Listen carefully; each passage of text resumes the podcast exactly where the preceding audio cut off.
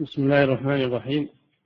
الحمد لله رب العالمين والصلاة والسلام على نبينا محمد وعلى آله وأصحابه أجمعين. ما بعد قال المؤلف رحمه الله تعالى قال, قال الله تعالى في حق يوسف عليه السلام كذلك لنصرف عنه السوء والفحشاء إنه من عبادنا المخلصين. فالله يصرف عن عبده ما يسوءه من الميل إلى الصور والتعلق بها. ويصرف عنه الفحشاء بإخلاصه لله. بسم الله الرحمن الرحيم. الحمد لله والصلاة والسلام على رسول الله وعلى آله وأصحابه أجمعين.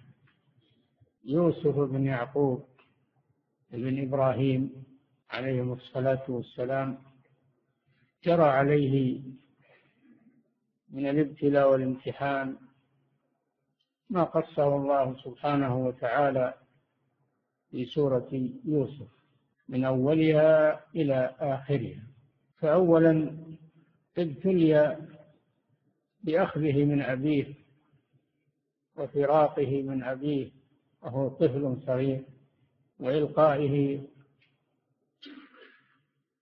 في الجب وهو البئر يريدون التخلص منه. ثم بعد إخراجه من الجب بيع وصار رقيقا خادما عند ملك مصر. فلما بلغ شده واستوى كان جميلا. ألقى الله عليه الجمال الذي خصه به. فامرأة العزيز والنساء عادة تبتلى بالعشق وبالتعلق بالرجال حكمي أنه عندها في في بيتها أرادت منه الفاحشة. انتقل من ابتلاء الجسم وابتلاء الشدة إلى الابتلاء بالنعمة والابتلاء بالشهوة. امرأة العزيز حاولت معه وهي امرأة ملك عندها من الرفاهية والجمال وما عندها ما ليس عند غيرها تصنعت وغلقت الأبواب طلبت منه مواقعتها ولكنه أبى أبى واستعاذ بالله. ألحت عليه تطلب منه ما تريد ولكنه أبى وصمم. قال معاذ الله إنه ربي أحسن مثواي إنه لا يفلح الظالمون. فلما رأى منها الإلحاح هرب. هرب يريد الخروج من الباب فلحقت به وجرت وراءه. تريد إمساكه عن الخروج. صادف عند الباب أنه جاء زوجها. فلما رأت زوجها قلبت الدعوة عليه على يوسف عليه السلام كذبت عليه. وادعت أنه هو الذي يراودها عن نفسه. وقالت ما جزاء من أراد بأهلك سوءا إلا أن يسجن أو عذاب أليم. فهي ألقت التهمة والدعوة عليه هذا من مكر النساء. ومن كيدهن ولكن الله بين الحق وبين كذبها بعلامة في قميصه وهو أنه لما هرب أمسكت قميصه فانشق بيدها من خلفه. قالت ما جزاء من أرادك من أراد بأهلك سوءا إلا يسجن أو عذاب أليم؟ قال هي راودتني عن نفسي يريد يكذبها. فشهد شاهد من أهلها وقال انظروا في الأمارة والعلامة إن كان الشق من الأمام فهي صادقة أنه أقبل يريدها فدفعته فانشق ثوبه. وإن كان الشق من الخلف فهي كاذبة وهو الصادق لأنها جذبته. فلما رأى قميصه قد من دبر قال إنه من كيدكن. إن كيدكن عظيم. فأكذبها الله سبحانه وتعالى وبين صدق يوسف عليه الصلاة والسلام. والسبب في ذلك هو الإخلاص لله عز وجل. إخلاص يوسف لربه هو الذي فرج عنه عند الشدة خلصه من هذه التهمة. فلما رأى قميصه قد من دبر قال إنه من كيدكن إن كيدكن عظيم. يوسف أعرض عن هذا واستغفري بذنبك إنك كنت من الخاطئين. ولكن الشاهد أن الله قال كذلك لنصرف عنه السوء والفحشاء. إنه من عبادنا المخلصين. آه الله جل وعلا خلصه ونجاه وصرف عنه السوء وهو تعلق بها وعشقها صرف ذلك عنه. والفحشاء وهي الوقوع في الزنا صرف الله عنه الأمرين. ثم علل سبحانه ذلك بقوله إنه من عبادنا المخلصين. كلمة من عبادنا هنا هذه عبودية خاصة عبودية خاصة ثناء عليه. وإلا كل الناس من عباد الله العبودية العامة ولكن هذه كلمة ثناء عليه إنه من عبادنا فالمخلصين بسبب إخلاصه لله عز وجل نجاه الله من هذه الشدة وهذه المحنة وهذه الكربة. هذا هو الشاهد منها. دل على أن من أخلص لله عز وجل فإن الله ينجيه. إنه من عبادنا المخلصين. هذا تعليل عام. كل من أخلص لله عز وجل وعبد الله حق عبادته فإن الله يخلصه في الشدائد. كما قال النبي صلى الله عليه وسلم تعرف إلى الله في الرخاء يعرفك في الشدة. نعم. قال الله تعالى في حق يوسف عليه السلام كذلك لنصرف عنه السوء والفحشاء إنه من عبادنا المخلصين. فالله يصرف عن عبده ما يسوءه من الميل إلى الصور والتعلق بها. وهو العشق. نعم. ويصرف عنه الفحشاء بإخلاصه لله. والتعلق بالصور والنظر فيها والميل إليها سبب. سبب للوقوع. في الفحشاء.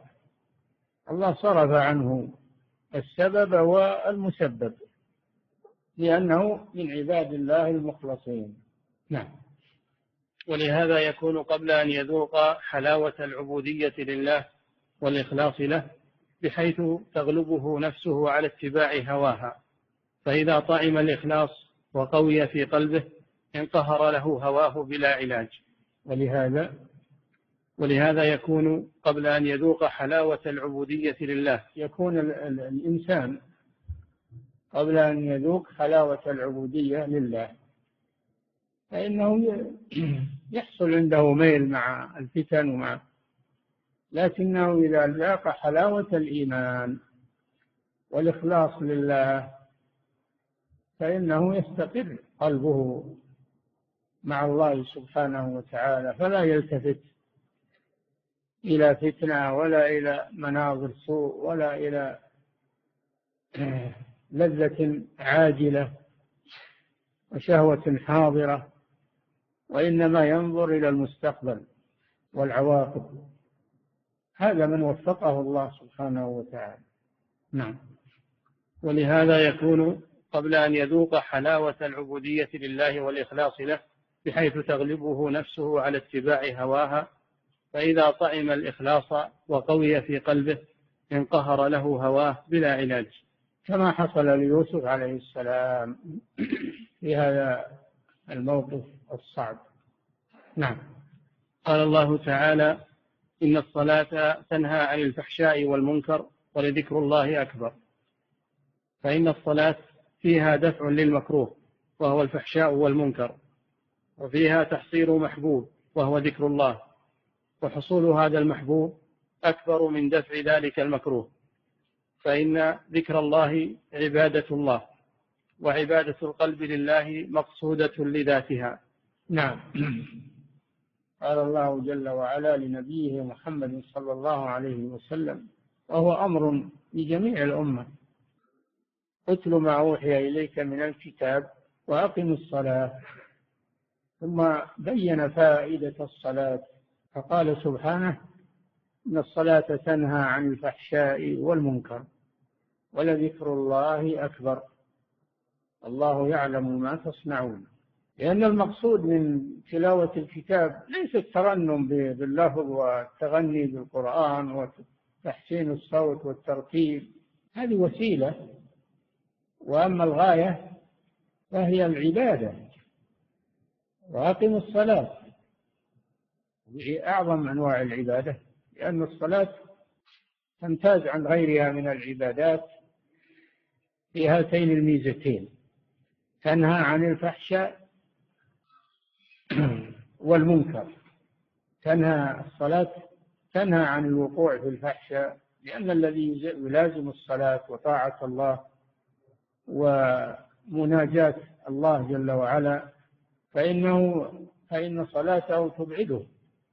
عن الوقوع في الفحشاء وهي المعصية القبيحة والمنكر عموما. تنهاه عن المنكر عموما. وتجد المصلين يمتازون على غيرهم بالاستقامة والمحافظة على الدين لأن الصلاة تورث في قلوبهم خشية الله سبحانه وتعالى ومحبته. وأما من أضاع الصلاة فإنه يضيع تضيع نفسه ويكون مع هواه تنهى عن الفحشاء والمنكر هذه فائدة عظيمة. الفائدة الثانية أعظم ولذكر الله أكبر. الصلاة ذكر لله عز وجل تشتمل على الذكر بالقول وبالفعل وبالقلب وباللسان. الصلاة كلها ذكر لله عز وجل والقلب والذكر يحيي القلب. وينير القلب. العبد الذي يحافظ على هذه الصلوات الخمس مع الجماعة يجد هذه هذه الفوائد العظيمة. أما من ضيع الصلوات الخمس فإنه يفقد هذه المزايا. ولهذا قال جل وعلا فخلف من بعدهم خلف أضاعوا الصلاة واتبعوا الشهوات.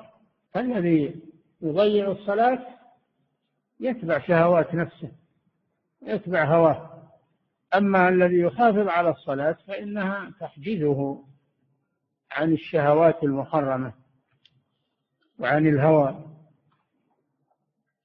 ولذكر الله أكبر ذكر الله أكبر من كل شيء.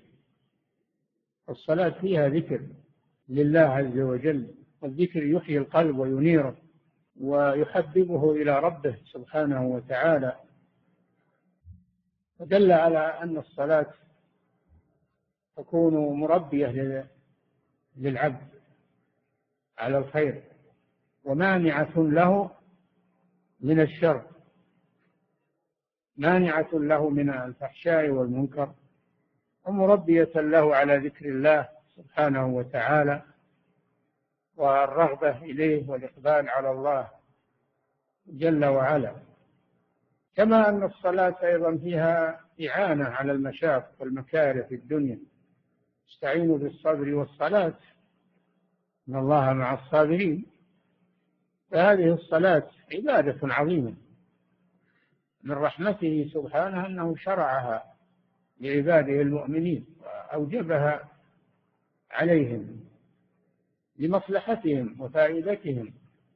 أما من لا يجد للصلاة لذة ولا يجد لها راحة هذا دليل على أنه لا لم يصلي الصلاة المطلوبة ولم يذق طعمها ولم يتلذذ بفائدتها وإنما يعتبرها من العادات والتقاليد. كما يقولون لأنهم لم يذوقوا طعمها وفائدتها. نعم. قال الله تعالى إن الصلاة تنهى عن الفحشاء والمنكر ولذكر الله أكبر.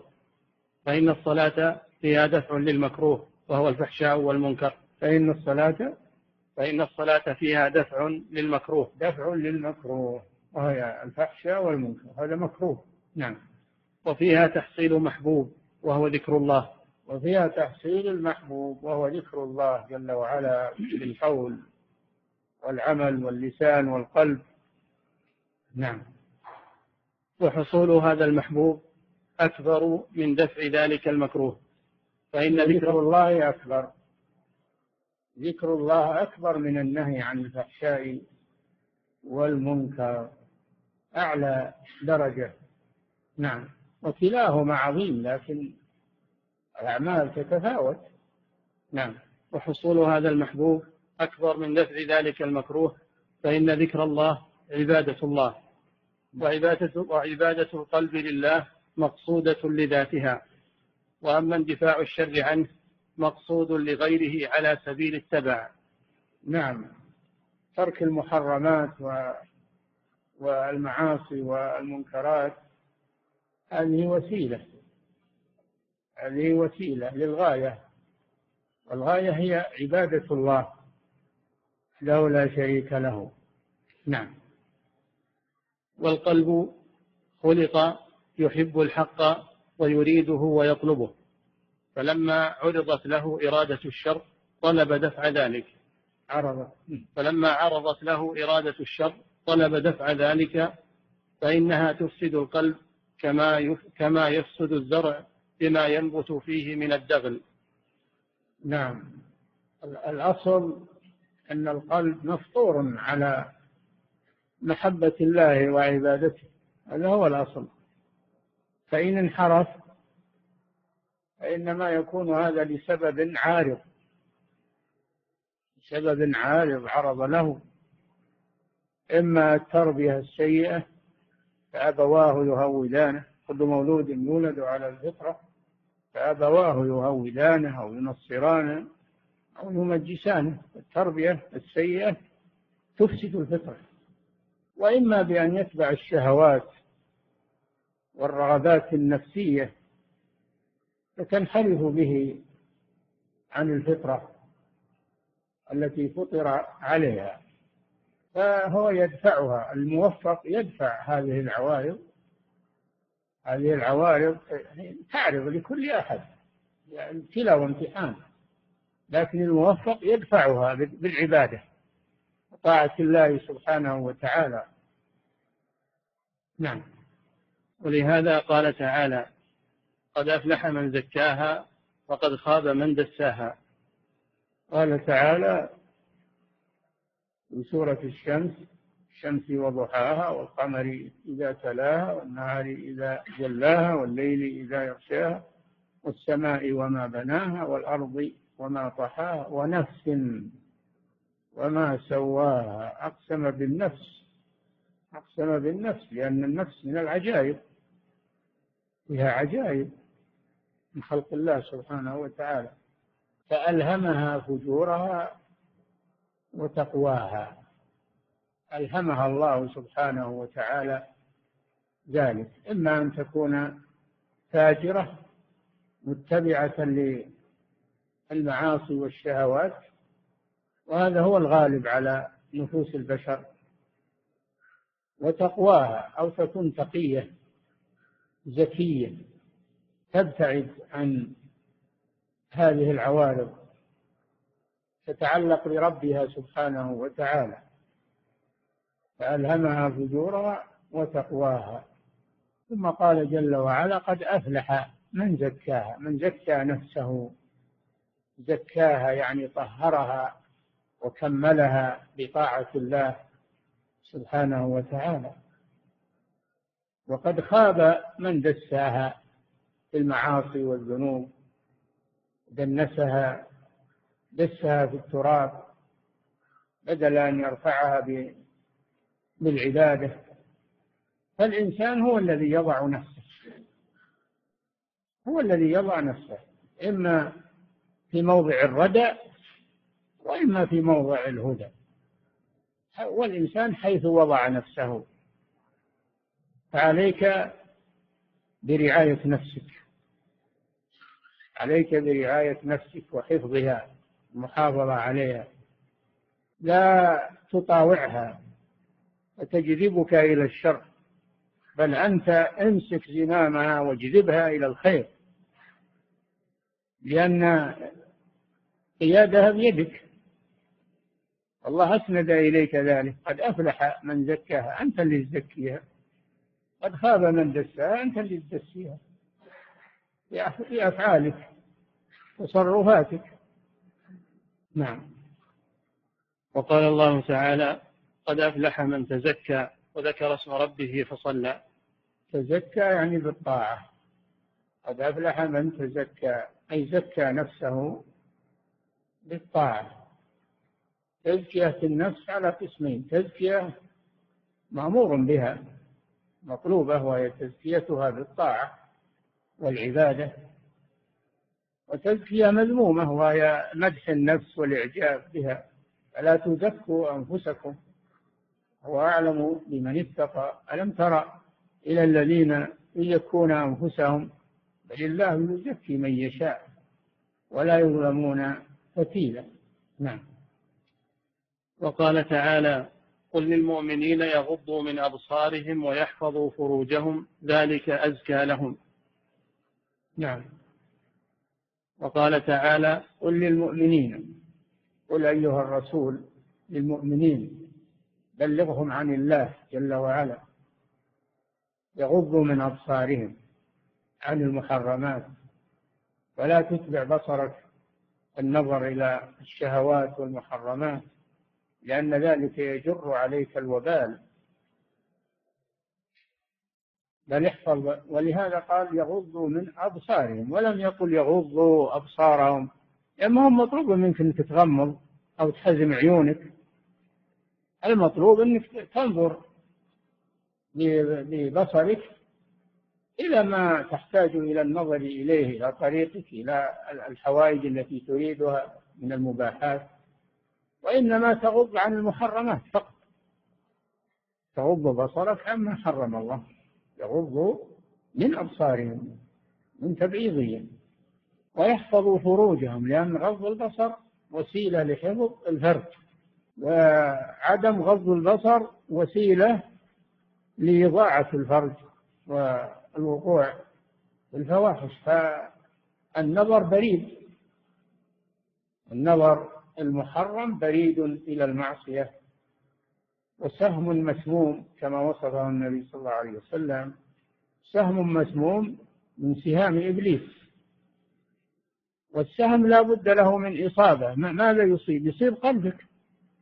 إذا أطلقته في الحرام أصاب قلبك مثل السهم الذي تطلقه من الرمية يصيب قلبك فلا تطلقه ويجلب لقلبك الفساد والسفاه غضه عما حرم الله من المناظر المحرمة النظر إلى النساء النظر إلى المردان النظر إلى الصور الفاتنة وفي وقتنا النظر إلى الفضائيات التي فيها النساء وفيها الفتن فيها عرض النساء متبرجات سافرات ولا يختارون إلا أجمل النساء وأشب النساء لوسائل الإعلام لأجل الفتنة لأجل فتنة من ينظر إليهن. فالمسلم يغض بصره عن هذه الأمور وإلا فإنه سيقع إما على المدى القريب أو البعيد سيقع فيما حرم الله إن لم يغض بصره. قل للمؤمنين لأن المؤمنين لأن المؤمنين هم الذين يمتثلون. أما المنافق والكافر هذا لا يقبل ولا يغضوا من أبصارهم. ويحفظوا فروجهم. ذلك أزكى أي أطهر. أزكى لهم. إن الله خبير بما يصنعون. وليس هذا خاصا بالرجال بل النساء أيضا. وقل للمؤمنات يغضضن من أبصارهن ويحفظن فروجهن. ومن حفظ الفرج غض البصر ومن حفظ الفرج من حفظ الفرج الحجاب. للمرأة الحجاب للمرأة هذا من حفظ الفرج. ولا يبدين زينتهن إلا ما ظهر منها وليضربن بخمرهن على جيوبهن إلى آخر الآية. المرأة تغض بصرها عن الرجال ومتابعتهم وتحتجب عن الرجال تستر نفسها عن الرجال الذين ليسوا من محارمها. فهذه كلها وسائل وسائل لحفظ الفروج. نعم. وقال الله تعالى ولولا فضل الله عليكم ورحمته ما زكى منكم من أحد أبدا. نعم. لما تكلم من تكلم بما أشاعه المنافقون حول أم المؤمنين عائشة رضي الله عنها من من الإفك والكذب الذي يريدون به أن يكيدوا للرسول صلى الله عليه وسلم ويمتحنوه ويضيقوا صدره عليه الصلاة والسلام. من الحديث بعض المؤمنين الذين عندهم تغفيل أو استماع للمنافقين تكلموا معهم تكلموا معهم. انطلع عليهم هذا الإفك والعياذ بالله. فالمؤمن يصون سمعه أيضا. إذا سمع الكلام الفاحش والكلام في الناس والغيبة والنميمة والقذف فإنه يصون سمعه كما يصون بصره. إن السمع والبصر والفؤاد كل أولئك كان عنه مسؤولا. لكن بعض المؤمنين حصل منه استماع لهذه الشائعة وتكلم هي تقولون بأفواهكم ما ليس لكم به علم وتحسبونه هينا وهو عند الله عظيم. ولولا إذ سمعتموه قلتم ما يكون لنا أن نتكلم بهذا؟ سبحانك هذا بهتان عظيم. يعظكم الله أن تعودوا لمثله أبدا إن كنتم مؤمنين. إلى قوله تعالى ولولا فضل الله عليكم ورحمته ما زكى منكم من أحد ولكن الله يزكي من يشاء. الله هو الذي يزكي من يشاء ولكن يكون هذا بسبب من العبد. العبد يبتعد عن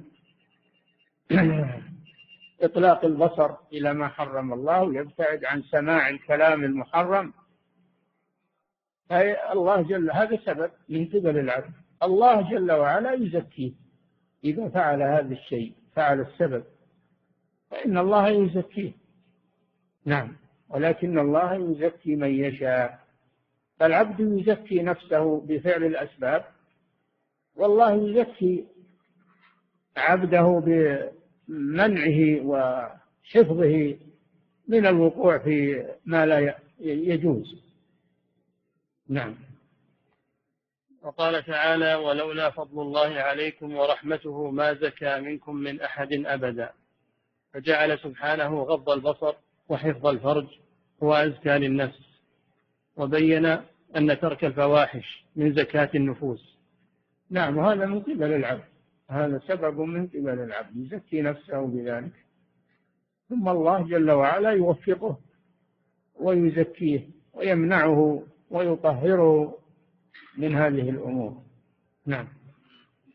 وبين أن ترك الفواحش من زكاة النفوس وزكاة النفوس تتضمن زوال جميع الشرور من الفواحش والظلم والشرك والكذب وغير ذلك. هذا إنما تزكى النفوس بالطاعة بالطاعة وترك المعصية. طاعة الله بتوحيده وعبادته وفعل ما يرضاه وترك ما نهى الله عنه من الشرك وسائر المعاصي الكبائر والصغائر هذا كله تزكية للنفوس نعم. وكذلك طالب طالب الرئاسة والعلو في الأرض. قلبه رقيق لمن يعينه عليها. ولو كان في الظاهر عاد عاد الشيخ رحمه الله إلى سياق الكلام الأول. لأن الإنسان يكون رقيقا لرغبته. وهواه. ولذلك يخضع ويذل لمطامعه. وإن كانت تضره. ويخضع أيضا لمن يعينه على مطامعه. ويكون رقيقا له.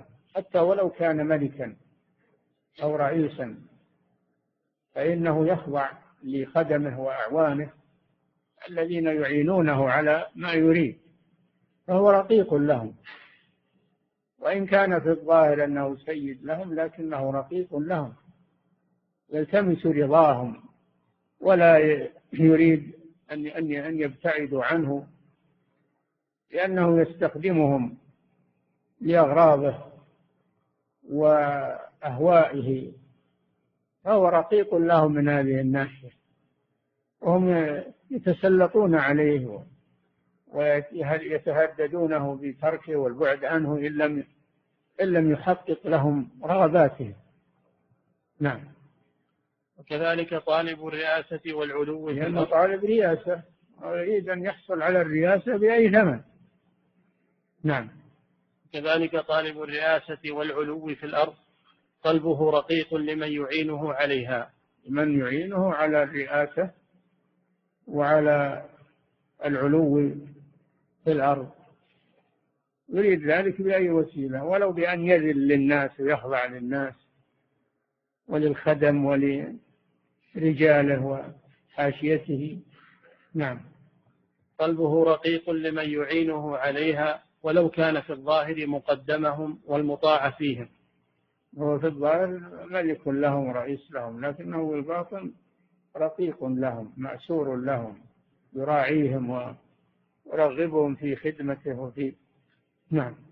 ولو كان في الظاهر مقدمهم والمطاع فيهم فهو في الحقيقة يرجوهم ويخافهم فيبذل لهم الأموال والولايات ويعفو يبذل لهم الأموال يعطيهم الرواتب الضخمة والعطيات ويوليهم الوظائف الكبيرة من أجل أن يحققوا له رغباته ومطامعه ومطامعه. نعم. ويعفو عما يجترحونه ليطيعوه ويعينوه. وقد يخطئون في حقه فيعفو عن ذلك من أجل أن يتألفهم لخدمته وتحقيق رغباته. نعم. فيصبر على ما يكرهه منهم لأجل هذا. نعم. فهو في الظاهر رئيس مطاع وفي الحقيقة عبد مطيع لهم. نعم لأنه لو لم يطيعهم بما يريدون لنفروا منه وهو لا يستطيع أن يحقق مطامعه إلا بهم. نعم. والتحقيق أن كلاهما فيه عبودية للآخر. نعم فالحاشية فيها عبودية لرئيسها. لأنه يحقق لهم مطامعهم ووظائفهم واعطياتهم. والرئيس رقيق للحاشية لأنها تحقق له الرئاسة والعلو في الأرض وكل واحد رقيق للآخر. ولهذا يقول الشاعر الناس للناس من بدو وحاضرة بعض لبعض وإن لم يشعروا خدموا. بعض لبعض خدم. فالملك يخدم الحاشية والحاشية تخدمه. نعم. والتحقيق أن كلاهما فيه عبودية للآخر وكلاهما تارك لحقيقة عبادة الله. نعم ينقص ينقص من عبادة الله بقدر ما يذل لغيره ويتعلق قلبه بغيره. أما المؤمن فيعلق قلبه بالله. ومن علق قلبه بالله كفاه الله كل شيء. من يتوكل على الله فهو حسبه. إن الله بالغ أمره. قد جعل الله لكل شيء قدرا. فالمؤمن يعلق قلبه بالله عز وجل ويطيع الله من أجل أن يطيعه الناس وينقادوا له. ولهذا في الحديث من التمس رضا الله بسخط الناس رضي الله عنه وأرضى عنه الناس. ومن التمس رضا الناس بسخط الله سخط الله عليه وأسخط عليه الناس. فالمؤمن الحق يعلق قلبه بالله عز وجل ولا يذل لغير الله ولا يطمع إلا فيما عند الله عز وجل. لأن الله بيده الملك بيده كل شيء. فأنت علق قلبك بالله جل وعلا وسيذل لك الناس مخلوقات يذلها الله لك. نعم. وإذا كان تعاونهما على العلو في الأرض بغير الحق كان بمنزلة المتعاونين على الفاحشة أو قطع الطريق فكل واحد من الشخصين لهواه الذي استعبده واسترقه مستعبد للآخر. وليس معنى أن الإنسان لا يذل للناس ولا يخضع للناس أنه يستغني عن الناس نهائيا. يحتاجه إلى إلى الناس يحتاج إلى التعاون معهم يحتاج لكن لا يذل لهم ويخضع لهم وإنما يذل ويخضع لله والناس أسباب إنما هي مجرد أسباب. نعم. وإذا كان تعاونهما على العلو في الأرض بغير الحق كان بمنزلة المتعاونين على الفاحشة أو قطع الطريق. نعم إذا كان التعاون على معصية الله إذا كان التعاون على ما يغضب الله عز وجل فكل منهما آثم كل منهما عاص لله سبحانه. أما إذا كان تعاونهما على طاعة الله هذا شيء مطلوب. قال جل وعلا وتعاونوا على البر والتقوى ولا تعاونوا على الإثم والعدوان. خذ هذه الآية قاعدة معك أن يكون التعاون على البر والتقوى. التعاون على البر والتقوى مطلوب. التعاون على الإثم والعدوان منهي عنه. فيه خطر عظيم. فالسراق وقطاع الطريق يتعاونون. أليسوا يتعاونون؟ يتعاونون على قطع الطريق ويتعاونون على السرقة ويتعاونون على فعل الفواحش لكنهم يتعاونون على الإثم والعدوان. نعم. فكل واحد من الشخصين لهواه الذي استعبده واسترقه مستعبد للآخر. نعم. وهكذا أيضا وهكذا أيضا طالب المال. فإن ذلك المال يستعبده ويسترقه. نعم إذا إذا تعلق قلبه بالمال حب المال فإن همه بتحصيل المال من حلال أو من حرام يهمه تحصيل المال فقط بأي وسيلة هؤلاء أصحاب الدنيا بالربا بالسرقة بالقمار والميسر بالرشوة ببيع المخدرات. أي وسيلة لأنه يحب المال. فهو عبد للمال والعياذ بالله. ولذلك يطلب المال بما يسخط الله بأي وسيلة. أما المؤمن المؤمن يحب المال. يحبون المال حبا جما. يحب المال لكن لا يقدم محبة المال على محبة الله سبحانه وتعالى. إذا تعارضت محبة المال مع محبة الله فإنه يقدم محبة الله. ولذلك يترك المحرمات يترك الربا يترك الخديعة والكذب يترك الميسر والقمار يترك الرشوة يترك المكاسب المحرمة. ما يحمل حب المال على هذه الأمور وإنما يقتنع بالمكاسب المباحة المكاسب الطيبة. ولو كانت قليلة فإن الله يبارك فيها. وأما المكاسب المحرمة فهي وإن كانت كثيرة إلا أنها منزوعة البركة. يمحق الله الربا ويربي الصدقات. قد يجمع الإنسان الأموال الطائلة ولا ينتفع منها لا في دينه ولا في دنياه ولا في دنياه ولا في آخرته. وإنما يتعب في جمعها فقط يتركها لغيره. ف هو المهم أن الإنسان يجمع الأموال؟ المهم كيفية جمع الأموال من أي طريق؟ الذي يقنع بما أحل الله يبارك الله له وينمي ماله ويغني قلبه ويسعد بماله ينفق في سبيل الله. وأما العكس فإنه إنما يكون مجرد آلة مثل الآلة التي تجمع الأشياء وهي لا تنتفع بها. نعم. وهكذا أيضا طالب المال فإن ذلك المال يستعبده ويسترقه. نعم. إذا كان هم طلب المال فإنه يقدم طلب المال ولو من مسخط الله عز وجل ولو من المكاسب المحرمة. نعم. وهذه وهذه الأمور نوعان.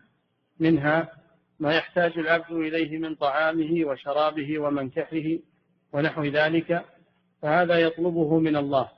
ويرغب الإنسان بحاجة إلى المال. ما ما هو معنى ذمة المال؟ أنك تترك المال وتقتصر على العبادة؟ لا. طلب طلب الرزق من العبادة.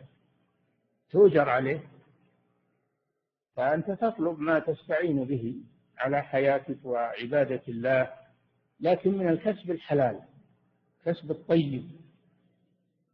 هذا هو المطلوب. نعم المال الصالح للرجل الصالح والجهاد بالمال مقدم على الجهاد بالنفس في كتاب الله في سنة رسول الله صلى الله عليه وسلم. جهاد بالمال.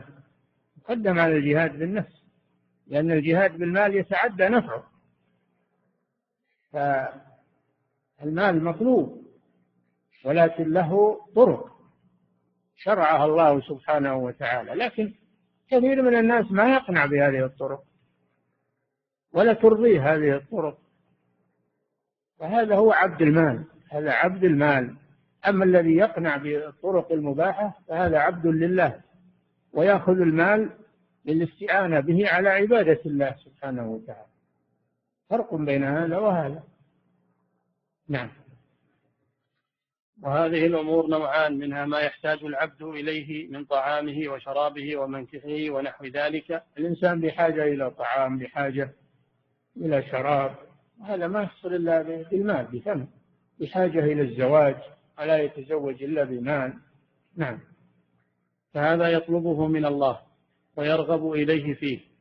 يطلب من الله يدعو الله عز وجل ويبذل السبب لطلب الرزق من الوجوه المباحة مع الدعاء والتعلق بالله عز وجل. نعم. فيكون المال عنده يستعمله في حاجته بمنزلة حماره الذي يركبه وبساطه الذي يجلس عليه. نعم. المال إنما هو خادم لك.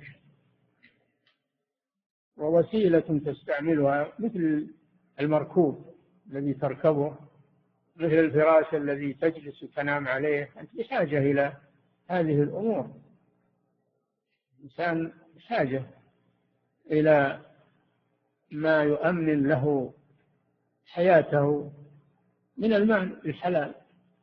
قد جعل الله جل وعلا في الحلال غنية عن الحرام. نعم.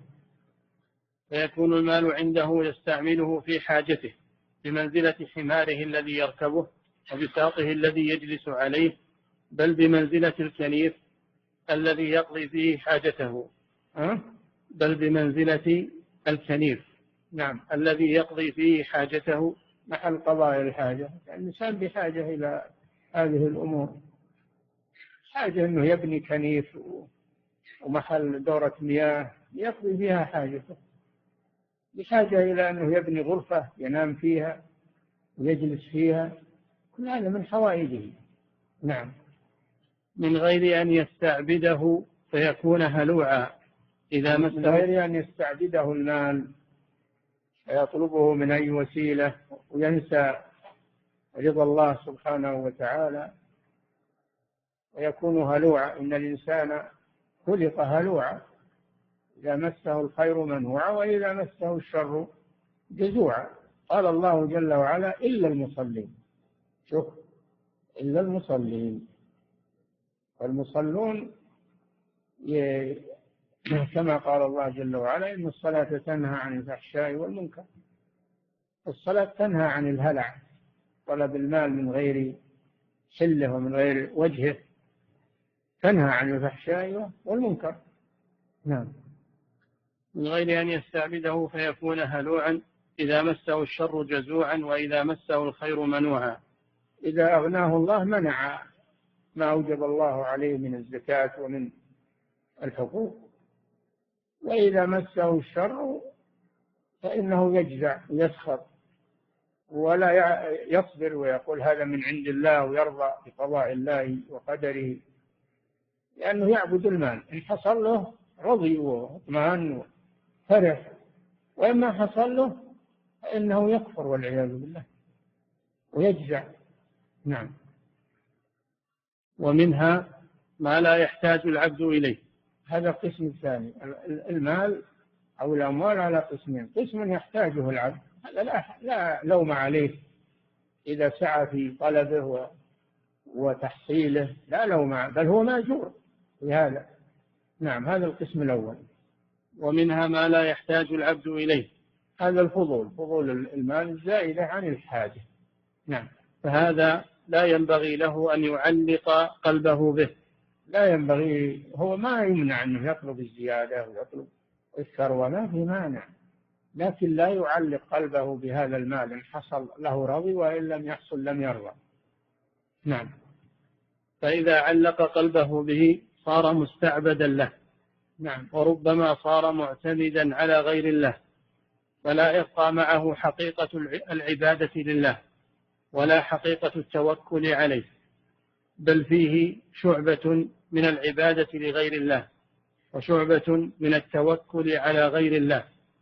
وهذا من أحق الناس بقول النبي صلى الله عليه وسلم تعس عبد الدرهم تعس عبد الدينار تعس عبد تعس عبد القطيفة تعس عبد الخميصة. نأجل هذا إلى الدرس القادم. نعم. النوع الثاني. نعم.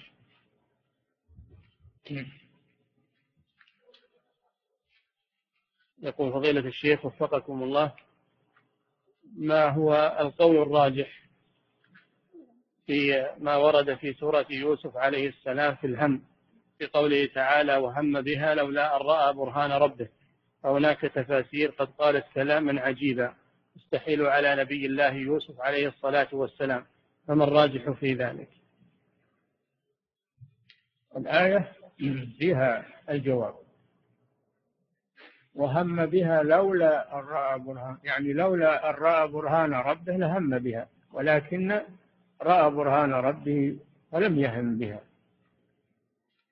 هذا جواب الجواب الثاني من شيخ الإسلام رحمه الله عن رأية الكلام يقول حتى الإنسان لو هم بالمعصية وتركها لله فإنها تكتب له حسنة كما في الحديث. إذا هم بسيئة وتركها لله كتبت له حسنة. نعم. يقول فضيلة الشيخ وفقكم الله هل ورد أن يوسف عليه الصلاة والسلام قد تزوج بامرأة العزيز بعدما توفي زوجها؟ من قبل أن العزيز توفي قبل يوسف الله أعلم. نعم. يقول فضيلة الشيخ وفقكم الله أنا أصلي ومحافظ على الصلاة ولله الحمد. لكن صلاتي لا تنهاني عن بعض المعاصي كالنظر المحرم والعادة السرية فما علاج ذلك؟ حفظكم الله. هذا دليل على النقص في صلاتك. فيها نقص. عليك أن تعالج النقص الذي في صلاتك. أن تقبل على الله وتخشع لله وتخضع لله عز وجل. نعم. يقول فضيلة الشيخ وفقكم الله ما هي أهم المقومات التي تعين الإنسان على حفظ بصره وفرجه غير غض البصر التي ذكرتم حفظكم الله؟ البعد عن مواطن الشهوات ما يروح لأسواق النساء والمعارض واللي فيها النساء والمتبرجات لا ينظر إلى الفضائيات التي تعرض فيها النساء المتدرجات المتزينات. يبتعد عن الأسباب التي فيها عرض هذه الفتن ويبتعد عنها ولا يذهب إليها ولا ينظر إليها. نعم. يقول فضيلة لا يصاحب الأشرار الفسقة يبتعد عن صحبتهم. نعم. يقول فضيلة الشيخ وفقكم الله ما توجيهكم لمن يجاهد نفسه بتزكيتها. وهي لا ما توجيهكم لمن يجاهد نفسه بتزكيتها. وهي لا تلبث أن تتفلت عليه وتتكاسل وتضعف. نعم يحتاج إلى صبر. صحيح أن النفس تتفلت على صاحبها لكن يصبر عليها ويلزمها بطاعة الله ثم بعد ذلك تتعود نفسه على الطاعة وتسهل عليه بعد المر... بعد المران والممارسة. نعم. يقول فضيلة الشيخ وفقكم الله هل هناك فرق بين البلاء والابتلاء؟ البلاء هو الشر الذي يكون والابتلاء هو عرض عرض هذا الشر على الإنسان. ابتلاء أي عرض هذا الشيء على الإنسان أو تمكين الإنسان منه. نعم. يقول فضيلة الشيخ وفقكم الله ما حكم قراءة الكتب والجرائد التي لا تخلو من صور النساء؟ مع أني لا أنظر للصورة. الابتعاد عنها بلا شك أنه أحسن للإنسان. ولو ابتليت بجريدة ولا مجلة تقرأ خبر فيها لا تنظر إلى الصورة ولا تتأمل فيها. اعتبرها غير موجودة. نعم. يقول فضيلة الشيخ وفقكم الله هل المرأة حق عليها أن لا تشاهد التلفاز بسبب ظهور الرجال على هذا التلفاز؟ لا شك أن هذا أحسن لها لأن المرأة ضعيفة وإذا رأت الرجل في التلفاز تعلمون أنهم يتهيئون للظهور بالملابس الجميلة والمحسنات والنساء ضعيفة فكونها تبتعد عن النظر في التلفزيون لا شك أنه أحفظ لها. نعم. يقول فضيلة الشيخ وفقكم الله رجل دائما يفكر في ابنة عمته. رجل دائما يفكر في ابنة عمته. السؤال هل هذا التفكير من أسباب عدم حفظ الفرج؟ التفكير قل من يسلم منه. مجرد التفكير في النفس قل من يسلم منه لكن يقطع هذا التفكير.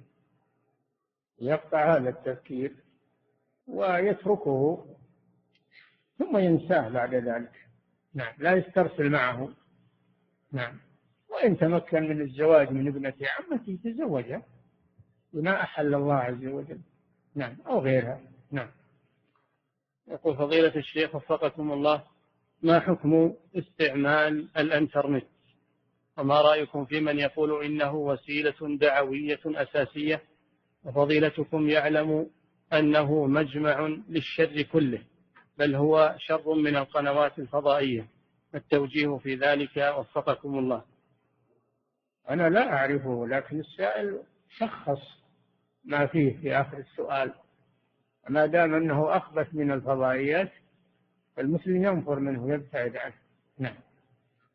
يقول فضيلة الشيخ وفقكم الله هل التذلل أو الذل للعالم من أجل هل الذل للعالم من أجل أن يبذل له مزيدا من العلم الذي آتاه الله؟ هل هذا الأمر منهي عنه؟ وهل فيه عبودية لغير الله؟ هذا تأدب وليس هو من العبودية هذا من باب التأدب مع أهل العلم وأهل وكبار السن والوقار. هذا مطلوب أن الإنسان يقدرهم وأنه يجلهم على ما عندهم من العلم أو كبر السن ولا يعتبر هذا من العبودية يعتبر من العبادة. ليس منا من لم يوقر كبيرنا ويرحم صغيرنا هذا من العبادة. نعم. يقول فضيلة الشيخ وفقكم الله مر في الدرس ذكر النظر إلى المردان فما المقصود بالمردان وما السبب في عدم النظر إليهم ومجالستهم؟ ما أظن أحد منكم يجهل من هم المردان. المردان هم الصغار الشباب الذين لم تنبت شعورهم ولحاهم. هذا هم المردان. فيهم فتنة. بعض العلماء يقول أنهم أشد فتنة من النساء. أنهم أشد فتنة من النساء لأن الشيطان يزينهم أكثر. نعم.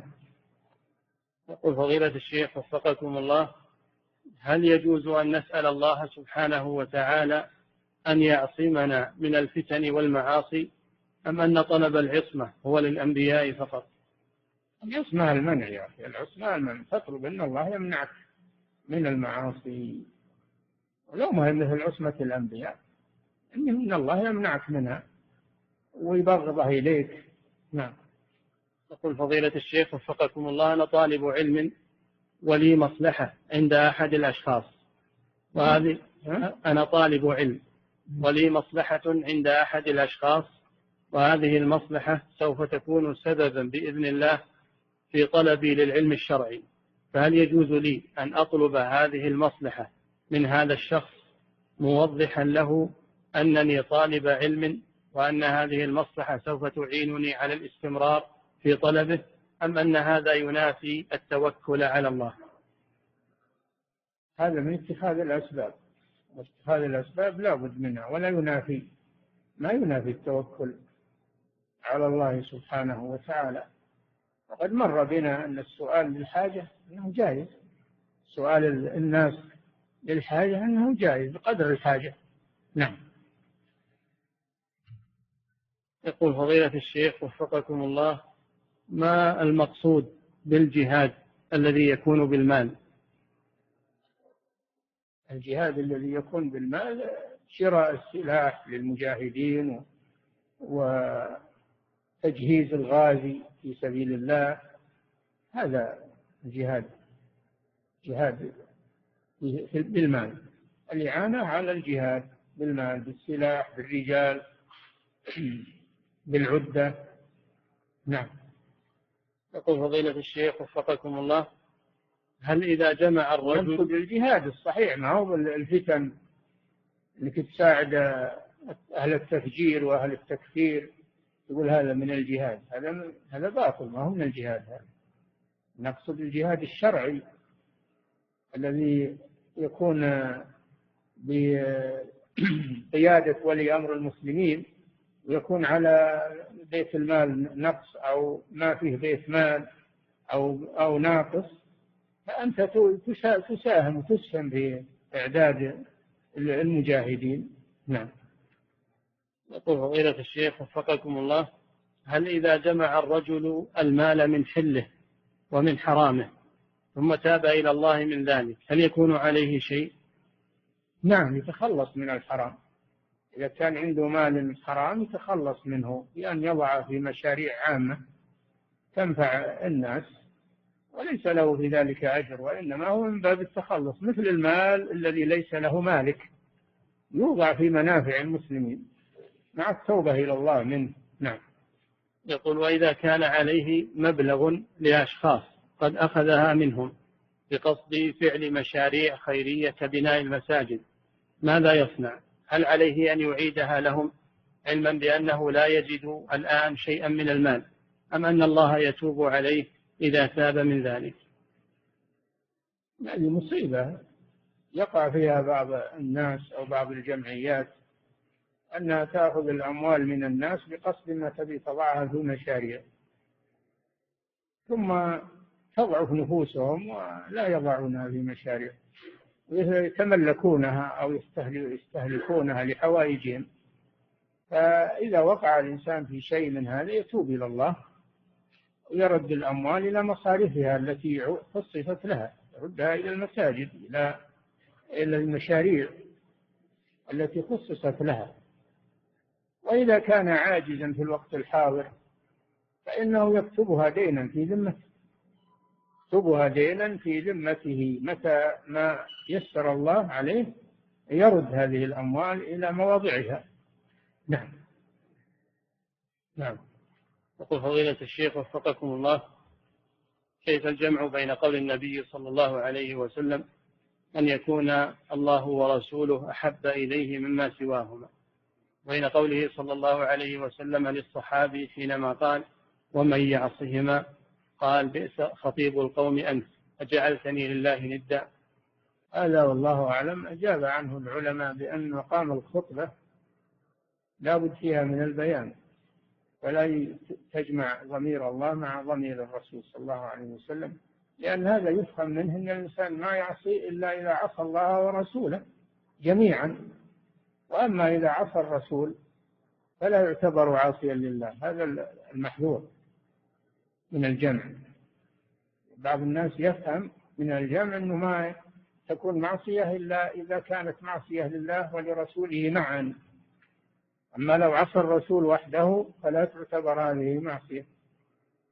هذا هو المحذور والله أعلم من من النهي عن جمع الضميرين في الخطبة لأن الخطبة يحضرها عامة الناس يحضرها المتعلم والجاهل ويحضرها يحتاج إلى إلى تفصيل وبيان.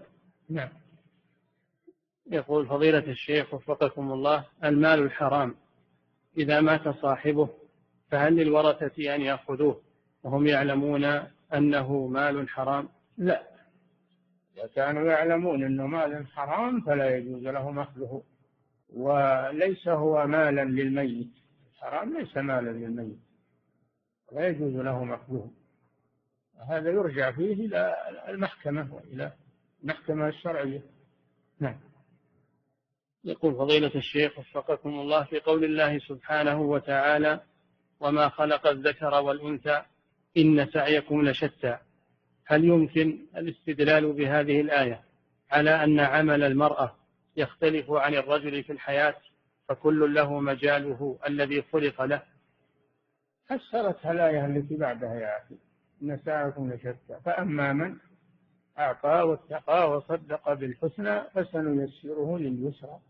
وأما من بخل واستغنى وكذب بالحسنى فسنيسره للعسرى. يكون هذا معنى قوله شتى نعم أي مختلف. نعم. يقول فضيلة الشيخ وفقكم الله ما المقصود بالإخلاص الذي يكون فيه العبد ممتثلا لعبودية الله ويخلص العبد من الشدائد والكربات الإخلاص أن لا يكون للإنسان نية لغير الله. يعمل العمل وفيه نية لغير الله. إما طلب رياسة أو طلب مال أو طلب وظيفة أو طلب طمع إنما يعمل العمل الصالح خالصا لوجه الله سبحانه وتعالى. هذا الإخلاص. ما إذا كان فيه نية أو قصد لغير الله هذا ليس مخلصا لله عز وجل. نعم.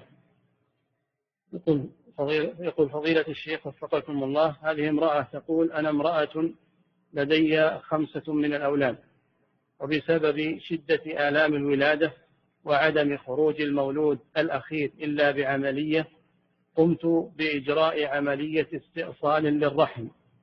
وأنا الآن نادمة فهل علي شيء؟ فات السؤال. لو كان السؤال قبل أن تقدم على العملية لكان له مكان. أما الآن وقد عملت العملية فات فات السؤال ولا فائدة في الجواب الآن. نعم. فضيلة الشيخ وفقكم الله يقول هل يجوز أن تعمل امرأة محجبة في مدرسة كمعلمة للبنات ولكن يوجد في هذه المدرسة بعض المعلمين الرجال مع العلم أن هذه المعلمة لا يوجد منها تعامل مباشر مع هؤلاء الرجال؟ المدارس المختلطة يجنبها المرأة الصالحة لا تعمل فيها وكذلك يجتنبها الرجل الصالح. المدارس المختلطة بين الرجال والنساء المؤمن يتجنبها. نعم. يقول فضيلة الشيخ وفقكم الله ما حكم صلاة من صلى ثم فرغ من صلاته وبعد الصلاة وجد بقعة قدر الظفر عليها صمغ لم يصل الماء إلى الجلد في هذه البقعة فهل عليه شيء؟ نعم لابد من إزالة الحائل وإعادة الوضوء ثم إعادة الصلاة لأنه بقي شيء من أعضاء وضوءه لم يصل إليها الماء فلم يصح وضوءه. نعم. يقول فضيلة الشيخ وفقكم الله ما هو الاعتداء في الدعاء؟ الاعتداء في الدعاء أن يدعو على أحد لا يستحق يظلم الناس يدعو عليهم يدعو كذلك على أولاده أو على زوجته. هذا من الاعتداء في الدعاء. أو يطلب شيئا لا يصلح له. كان يطلب منازل النبيين والرسل. هذا من الاعتداء في الدعاء. نعم. يقول فضيلة الشيخ وفقكم الله هل قراءة الأذكار بنية الحفظ والاستغفار كذلك بنية جلب المنافع الدنيوية؟ هل يعد هذا من الشرك؟ نعم إذا كانت النية للدنيا خالصة فهذا من الشرك من الشرك في العبادة. لكن ما هو الشرك المخرج من الملة؟ ليس هو الشرك المخرج من الملة. فالإنسان يخلص النية لله عز وجل ولا بأس أنه ينوي مع النية لله أنه ينوي آه، ما يحتاج إليه حصول ما يحتاج إليه من أمور الدنيا. ربنا آتنا في الدنيا حسنة وفي الآخرة حسنة وقنا عذاب النار. يدعو لدنياه ولآخرته. نعم أما أن يقتصر على الدنيا من الناس من يقول ربنا آتنا في الدنيا وما له في الآخرة من خلاق هذا هو المنهي عنه. نعم. يقول فضيلة الشيخ وفقكم الله بعض دور النشر أو التسجيلات تتولى كتابا أو أشرطة للعلماء وتنشرها ثم ينقطع الكتاب أو الشريط وينفذ من السوق فلا يعيدون الطباعة ولا يتركون غيرهم يقوم بنشرها. السؤال هل لنا يا شيخ أن ننشرها دون إذنهم خصوصا مع حجرهم على العلم؟ هذا له نظام لا بد من التزام النظام ولا يجوز أخذ مؤلف بدون إذن مؤلفه طبعه بدون إذنه حق له. كذلك الشريط لا ينسق إلا بإذن صاحبه لأنه حق له ولا يعتدى على حقوق الناس. نعم. يقول فضيلة الشيخ وفقكم الله رجل يطلب شخصا مماطلا مئة ألف ريال. رجل يطلب شخصا مماطلا مئة ألف ريال. فجاء رجل آخر وقال له بعني هذا الدين بثمانين ألف حالة. هل بيعه هذا الدين صحيح؟ لا هذا ما هو صحيح. من ناحية أنه ربا يعني دراهم أقل دراهم أكثر هذا ربا. ومن ناحية أنه بيع للدين على غير من هو في ذمته. الدين لا يباع إلا على من هو في ذمته خاص. لا يباع على غيره. نعم. يقول فضيلة الشيخ وفقكم الله يوجد الآن دعاوى في بعض وسائل الإعلام بالمطالبة بعدم إقفال المحلات التجارية وقت الصلاة. يوجد الآن دعاوى في بعض وسائل الإعلام في المطالبة بعدم إقفال المحلات التجارية وقت الصلاة حتى لا تتعطل مصالح الناس بزعمهم. فما التوجيه في ذلك؟ وفقكم الله. هذا من جملة ما يفيدون به للإسلام. قالوا صلاة الجماعة ما هي بواجبة. قالوا لا تغلق الدكاكين الله جل وعلا قال لا تلهيهم تجارة ولا بيع عن ذكر الله وإقام الصلاة وإيتاء الزكاة. يا أيها الذين آمنوا لا تلهكم أموالكم ولا أولادكم عن ذكر الله. لكن هؤلاء يريدون أنهم يعطلون الأمر بالمعروف والنهي عن المنكر. يريدون أن يعطلوا صلاة الجماعة في المساجد. يريدون أن لا تغلق المحلات وقت, الصلاة. هذا كله من جملة محاولاتهم لطمس هذا الدين. ولكن الله سبحانه وتعالى ناصر دينه ومظهر كلمته وسيخيبون بإذن الله. نعم. يقول فضيلة الشيخ وفقكم الله رأيت الناس في مكة يتعلقون بجدار الكعبة من الحجر الأسود إلى ما بعد باب الكعبة. هل هذا وارد؟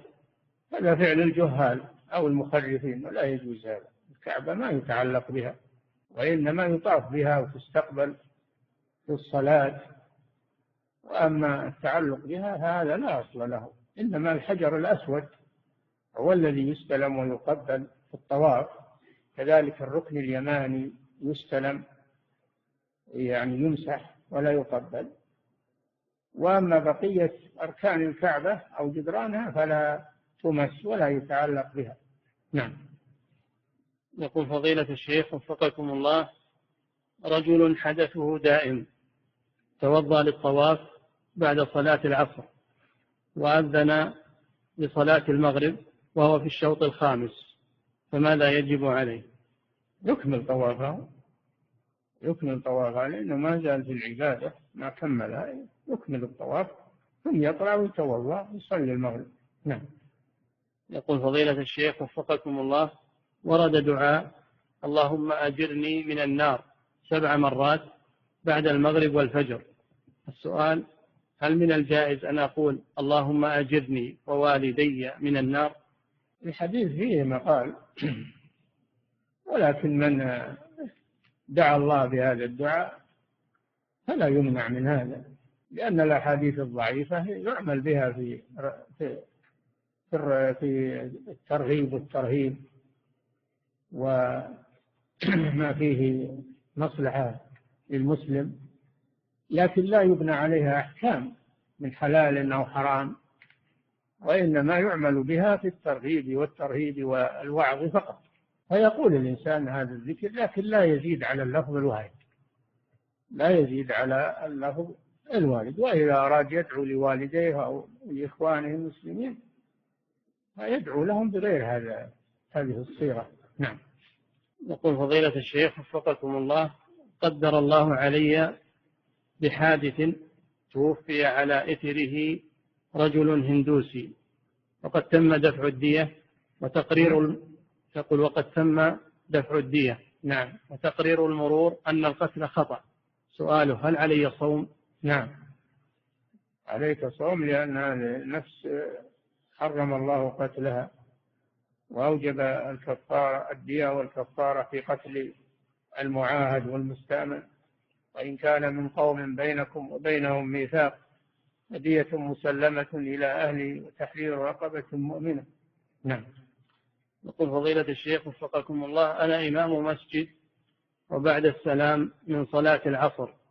أستغفر الله ثلاثا ثم أشرع في قراءة بعض الأحاديث على جماعة المسجد. فأتاني بعض الجماعة وقال دعنا نذكر الله بعد الصلاة بالذكر الوارد ثم ابتدئ في القراءة. فما التوجيه يروحون ما يقعدون قالوا يقعدون لما يخلصون. ولكن يا أخي الأحاديث من ذكر الله قراءة الأحاديث من ذكر الله عز وجل. نعم. يقول فضيلة الشيخ وفقكم الله إذا أعطيت عائلة فقيرة عدد أفرادها عشرة أعطيتهم طعاما فهل يجزئ عن كفارة اليمين أم لا بد